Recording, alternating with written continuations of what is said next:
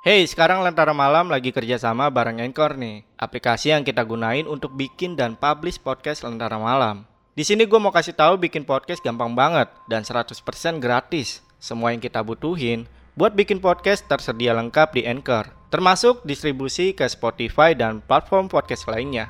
Yuk, download aplikasi Anchor sekarang dan bikin podcast kalian segera.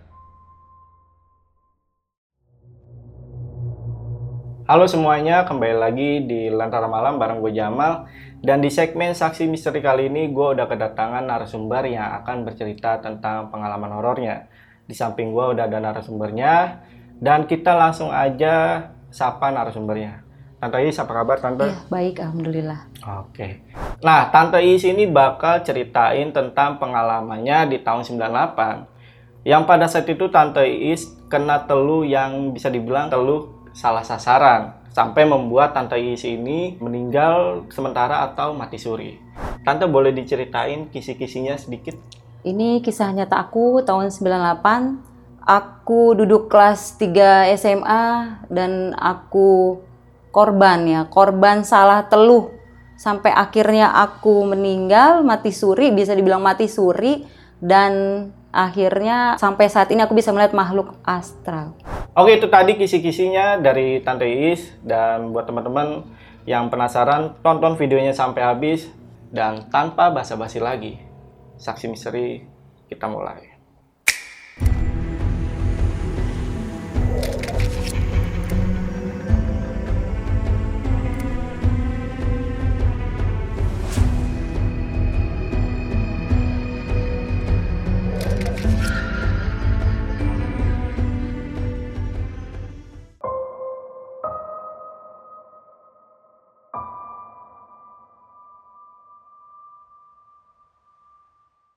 Awalnya aku kelas 3 SMA tahun 98, udah berapa ya, 23 tahun yang lalu lah. Kebetulan eh, di rumah tuh nggak tinggal aku doang, tapi ada dua keponakan aku yang mamanya memang udah bercerai dengan suaminya. Tapi mamanya ini ke Malaysia kayak gitulah dia karena udah pisah dengan suaminya, jadi dia cari nafkah sendiri, dia pergi ke Malaysia.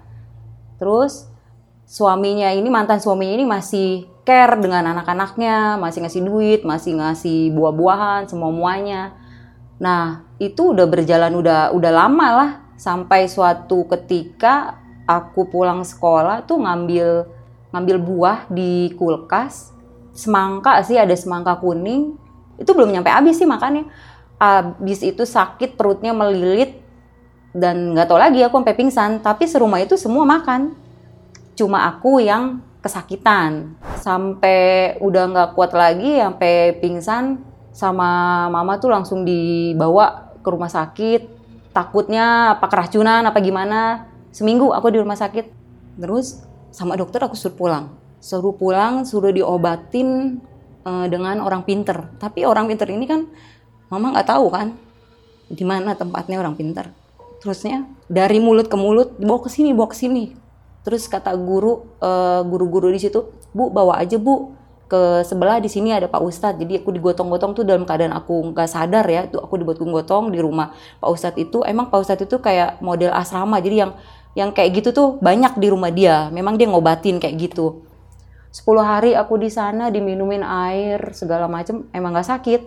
Tapi pas pas 10 harinya itu aku baru tahu kalau aku tuh dikasih minum sama dia tuh air mawar buat nyiramin orang mati, buat nyiramin itu kuburan. Aku minta pulang, aku bilang kalau aku terus di sini yang ada aku mati. Aku gituin kan, yang ada aku mati di sini. Is mau pulang mah. Terus dibawa sama mau pulang. Sampai di rumah, ya aku sakit lagi. Sakit, udah sakit begitu, manggil nih mama nih, oh di sini ada orang pinter, dibawa sampai badan pada biru-biru segala macam diobatin tuh, tetap tuh nggak sembuh-sembuh juga sampai ke 12 orang pinter saking saking udah lamanya sakit itu ngelihat perut udah makin lama makin gede. Terus sama mama dibawa e, bah ini perutnya kalau dia ngelihat kok makin lama makin makin gede gitu kan. Terus ya udah dibikinin gelang aku dibikinin gelang di perut. Kalau memang ini sampai copot ini berarti kiriman orang. Terus pas sampai ketika udah sakit banget itu gelang di perut itu putus tuh perut bener-bener gede itu nyata itu ngeliat semua nah udah dari situ pas gelangnya udah putus, baru aku kayak berada di dunia dunia dimensi ya. Entah aku ditarik ke mana, pokoknya roh aku diangkat, dia masukin tuh yang berbagai macam makhluk halus, yang aku kesurupan, yang segala macem tuh udah udah di situ tuh mama udah bingung. Karena biasanya cuma pingsan biasa, udah gitu doang kan. Diobatin paling cuma dipencet-pencet atau diapain udah sembuh gitu. Ini bener-bener udah kesurupan, udah teriak-teriak, udah segala macem sambil nahan sakit tuh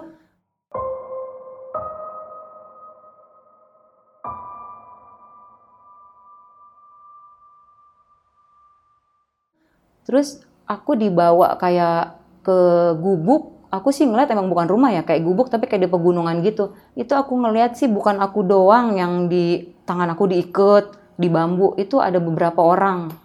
Aku ngeliat di sananya aku dikasih makan, dikasih macem-macem. Itu yang bener-bener maksudnya press yang dia kayak baru masak.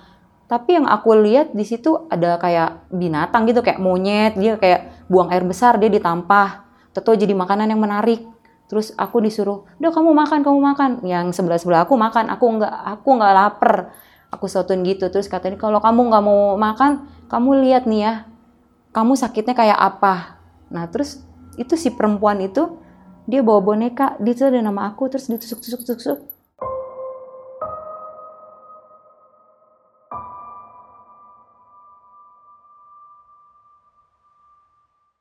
Terus sampai akhirnya si mama tuh udah udah bener-bener pusing jadi gua, mau ke mana lagi cari? Gitu ya kan karena semua udah udah mentok udah pasrah. Akhirnya tuh kata kata bapak ngomong gini ma coba hubungin uh, si paman. Dia kan di sana bisa ngobatin orang. Coba suruh ke sini suruh ngobatin. Akhirnya mama telepon. Zaman dulu kan cuma ada telepon rumah doang ya. Dia dia telepon suruh datang sampai mama semua tuh yang ngongkosin. Udah paman taunya paman nyampe di Jakarta aja. Terus udah pas paman datang dia dilihat diobatin. Kak ini mah bukan sakit biasa. Cuma gitu doang. Terus kata si mama ya udah paman tolong sembuhin anak saya. Awalnya anak saya normal. Tolong sembuhin sehat lagi terus udah aku ditanganin tuh sama paman lama lah pokoknya paman tuh di rumah stay di rumah pokoknya dia. Karena kan sakitnya aku tuh nggak nggak itu sakit loh. Jadi tiba-tiba kalau aku lagi ngapain bahkan aku lagi sholat pun kalau lagi sakit sakit. Udah gitu udah pas sakit langsung ditarik dia masukin tuh yang lain-lain. Jadi tuh paman kan ngejaganya di situ kan. Jadi aku terus didampingin sama dia. Nah entah itu kebetulan atau apa emang sih kakak ipar mantan kakak ipar aku tuh emang lagi main di rumah saudaranya dia. Kebenaran rumah saudaranya sama rumah mama tuh deketan tetanggaan. Paman tuh ada lakinya Santi gitu ya kan datang ya udah kak panggil aja katanya gitu. Terus udah dipanggil ini apaan? Terus kata mama gini ini anak saya sakit nih katanya gitu kan kata si mama. Terus apa urusannya sama saya? Ya ini ulah istri kamu atau gimana? Takut sakit hati ngelihat kalau si mama sih memang belum tahu itu dari mana dari mana ya. Cuma bilang gitu doang karena kamu terlalu deket sama anak-anak. Enggak kok istri saya nggak gitu-gitu. Terus kata si mama nih istrinya lagi sakit. Itu aku dalam keadaan emang aku lagi sakit. Maksudnya aku lagi kesurupan. Aku itu lagi kesurupan. Nah arwah akunya sendiri tuh ada di ada di alam lain tuh ada di dimensi lain lah. Terus aku ditanya e, itunya tuh jasadnya ditanya kamu ini kiriman siapa? Itu dalam mata mata tuh merem terus dia sambil nulis. Dia nulis ngasih tahu namanya ngasih tahu asalnya. Padahal kita serumah nggak tahu itu kakak ipa eh mantan kakak ipar nikah dengan siapa namanya pun kita nggak ada yang tahu. Tapi digojlokin namanya dikasih tuh disodorin gini kamu kenal nggak ini orang? Ini nama istri saya. Gitu. Nah dari situ dia nggak terima. Ribut lah ribut kata paman udah eh, nggak uh, usah diributin. Yang penting kita sembuhin sampai ini sembuh. Dia pulang. Nah udah tuh udah pas dari situ paman ngejelasin ini teluh kak kiriman. Sebelumnya Iis makan apa? Nah, aku dikasih tahu si mama dikasih tahu emang dia rajin ke sini bawain buah buat anak-anaknya katanya. Tapi kita semua juga makan nggak kenapa-napa. Terakhir Is makan ini semangka kuning. Terus abis, enggak, untungnya nggak sampai abis kak. Kalau ini sampai abis nggak selamat Is katanya gitu kan. Terus kata si mama gini, oh iya paman pantesan uh, lagi pas awalnya Is sakit tuh, yang ronda tuh pada ngeliat ada bola api muter-muter di rumah terus meledak. Saya pikir itu dari asrama karena rumah kita deket sama asrama abri kan kirain itu kayak tembakan dari asrama besoknya pagi tuh orang-orang itu bilang bahwa bu itu ada yang muter-muter kayak bola api gitu tapi melihat tapi bener melihat dor gitu tapi memang bener kedengeran nah pas itu langsung TI sakit sampai sekarang Hey, sekarang Lentera Malam lagi kerjasama bareng Anchor nih, aplikasi yang kita gunain untuk bikin dan publish podcast Lentera Malam. Di sini gue mau kasih tahu bikin podcast gampang banget dan 100% gratis. Semua yang kita butuhin buat bikin podcast tersedia lengkap di Anchor, termasuk distribusi ke Spotify dan platform podcast lainnya. Yuk, download aplikasi Anchor sekarang dan bikin podcast kalian segera. uh, si paman cerita ini begini-gini, ngasih tahu ngejelasin. Jadi mama juga ngasih tahu, oh bener, ini yang ronda pada pada ngelihat nih ada bola api gitu ya kan. Tadinya kan mama tuh nggak nggak mau, maksudnya nggak percaya hal yang seperti itu. Dia berpikirnya positif aja. Paman juga kan uh, ngejelasin sebenarnya Is ini orangnya putih. Namanya sama nggak sama kakaknya, sama belakangnya katanya gitu. Yang ini yang gede hitam kan? Iya kata si mama kan memang yang kakak aku yang pertama memang hitam, aku putih emang. Terus kalau yang kulit putih ini rawan sekali kena kayak begini hal-hal kayak gini kak katanya gitu kan kata paman. E, terus ininya ke mana? Nggak ada, dia lagi ke Malaysia. Apalagi ilmu seperti ini nggak bisa mempan nyebrang untuk ke negara lain jauh karena laut mungkin ya. Ini di jangka waktu kak 41 hari kak target nih target ini harus mati gitu. Baru tuh di situ si mama tuh ngerti kalau itu oh emang dia nih yang buat kayak gitu kan. Baru baru di baru ngeh karena ada penjelasan dari si paman. Kata si paman sekarang gimana? Mau dibalikin atau gimana? Nggak usah paman. Yang penting anak saya sampai sembuh. Balik lagi sehat katanya gitu kan. Udah saya insya Allah saya bantuin sampai selesai katanya gitu. Tapi aku nggak boleh dipegang orang lain. Jadi selama aku dipegang paman ya udah nggak boleh ke mana-mana. Ada ke sini ke sini nggak boleh Terus tuh rumah, kebenaran rumah mama tuh kan kaca semua nih. Udah kaca semua, jadi kalau tiap aku ngaca, itu muka berubah. Jadi kalau ngeliat kaca, aku teriak. Ngeliat kaca teriak. Jadi tuh mau siang hari, mau malam, itu rumah semua ditutupin pakai kain. Pokoknya aku nggak boleh ngeliat kaca, karena yang aku lihat tuh bukan muka aku. Ntar udah ngeliat, udah ngejerit-jerit, teriak, nggak sadar. Udah, terus aku langsung di dimensi lain, kayak gitu.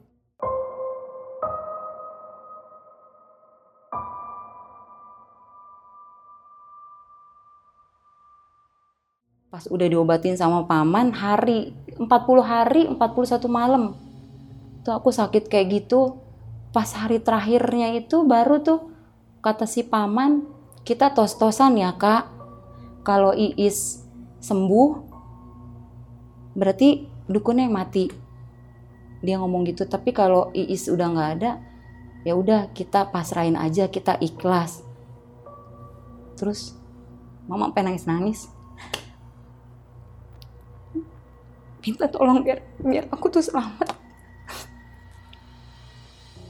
Terusnya di alam situnya aku udah di kayak di kayak di meja persembahan.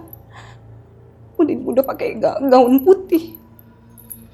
Terus si paman aku yang aku lihat di sana dia berantem.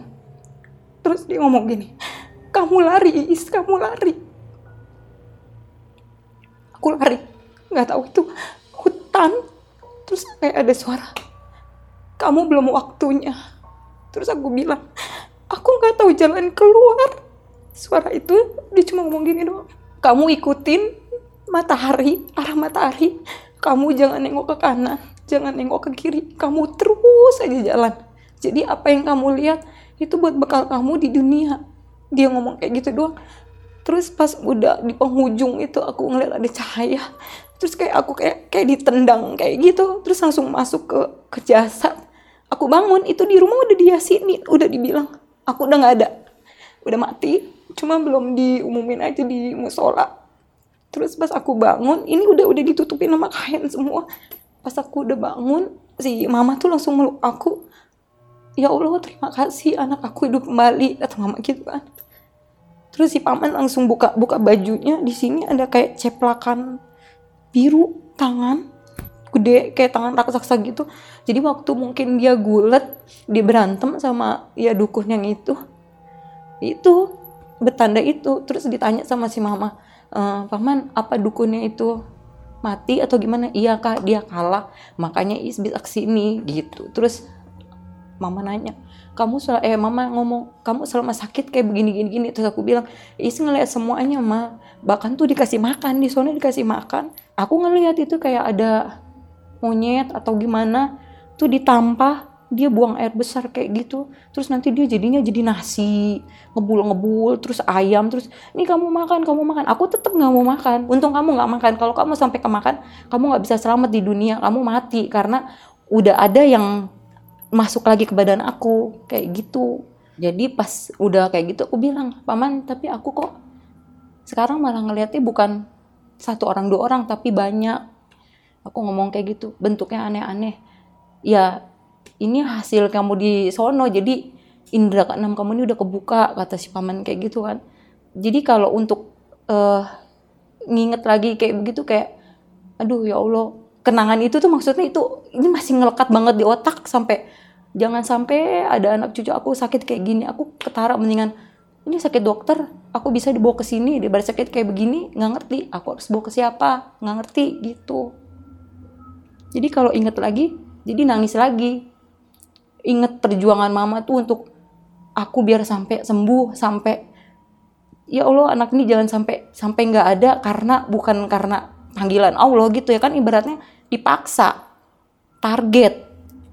Itu untungnya bisa bertahan mungkin kalau nggak bisa bertahan ya nggak tahu deh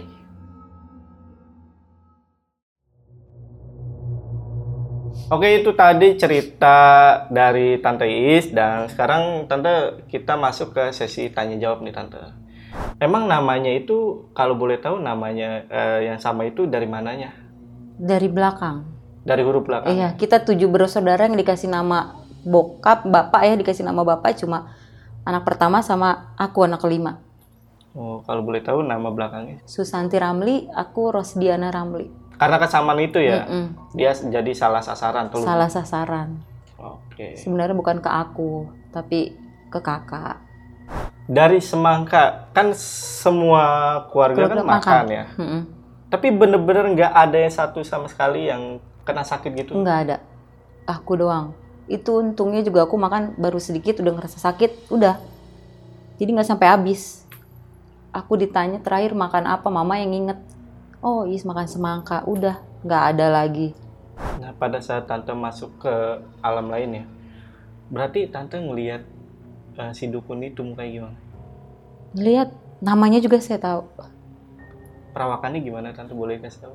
Perawakannya tuh gendut. Terus kalau rambutnya tuh sering di konde, konde agak tinggi, Jadi si dukun ini perempuan perempuan. yang ngelawan paman. Iya, tapi sakti. Kalau boleh tahu tante, tante kan tadi juga sempat nyebutin beberapa orang sama kayak tante ya, Mm-mm. kayak diikat gitu kan. Itu Mm-mm. kalau boleh masih inget gitu ya, kalau masih inget aja itu ada berapa orang? Ada sekitar lima, Lima orang. lima. Ada perempuan, ada laki-laki, tapi sama semua diginiin tangannya. Di dalam satu Di Iya. dalam ruangan itu, di dalam rumah dia. Di dalam rumah dia, ini di atas ini, nih, ini kayak kayak dia bukan meja ya, dia kayak duduk di bawah, terus dia kayak kayak dupa dupa dupa gitu banyak. Jadi dia begini, kita semua di belakang dia.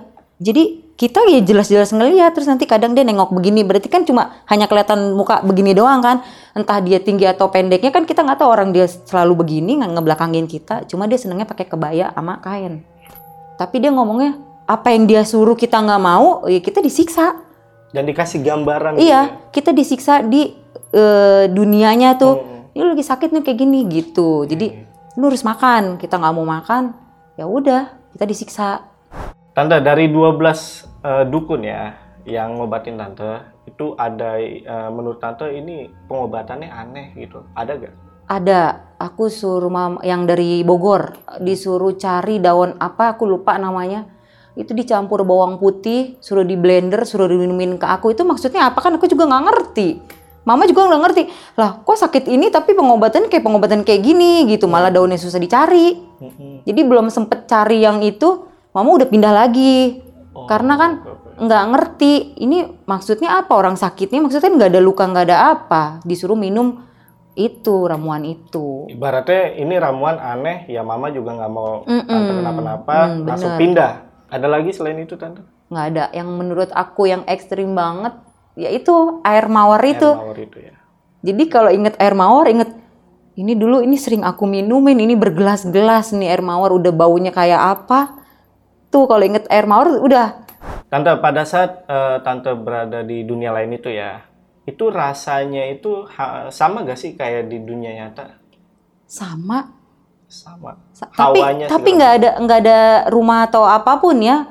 Karena aku mungkin aku ngeliatnya emang nggak ada rumah karena mungkin dari roh aku aku pingsan ditarik ditarik sama dia langsung jogrok ke rumah dia tarik jogrok langsung ke rumah dia langsung gitu jadi aku nggak ngelihat itu ada perumahan atau apa yang aku tahu aku ada di ruangan dia dan orang-orang yang lain itu ada gitu doang Dan itu berkali-kali berarti ya masuk dunia lain, masuk Iya. dunia nyata ya? iya jadi kamar dia tuh kayak buat mainan jadi ditarik masukin sebentar tarik masukin lagi gitu.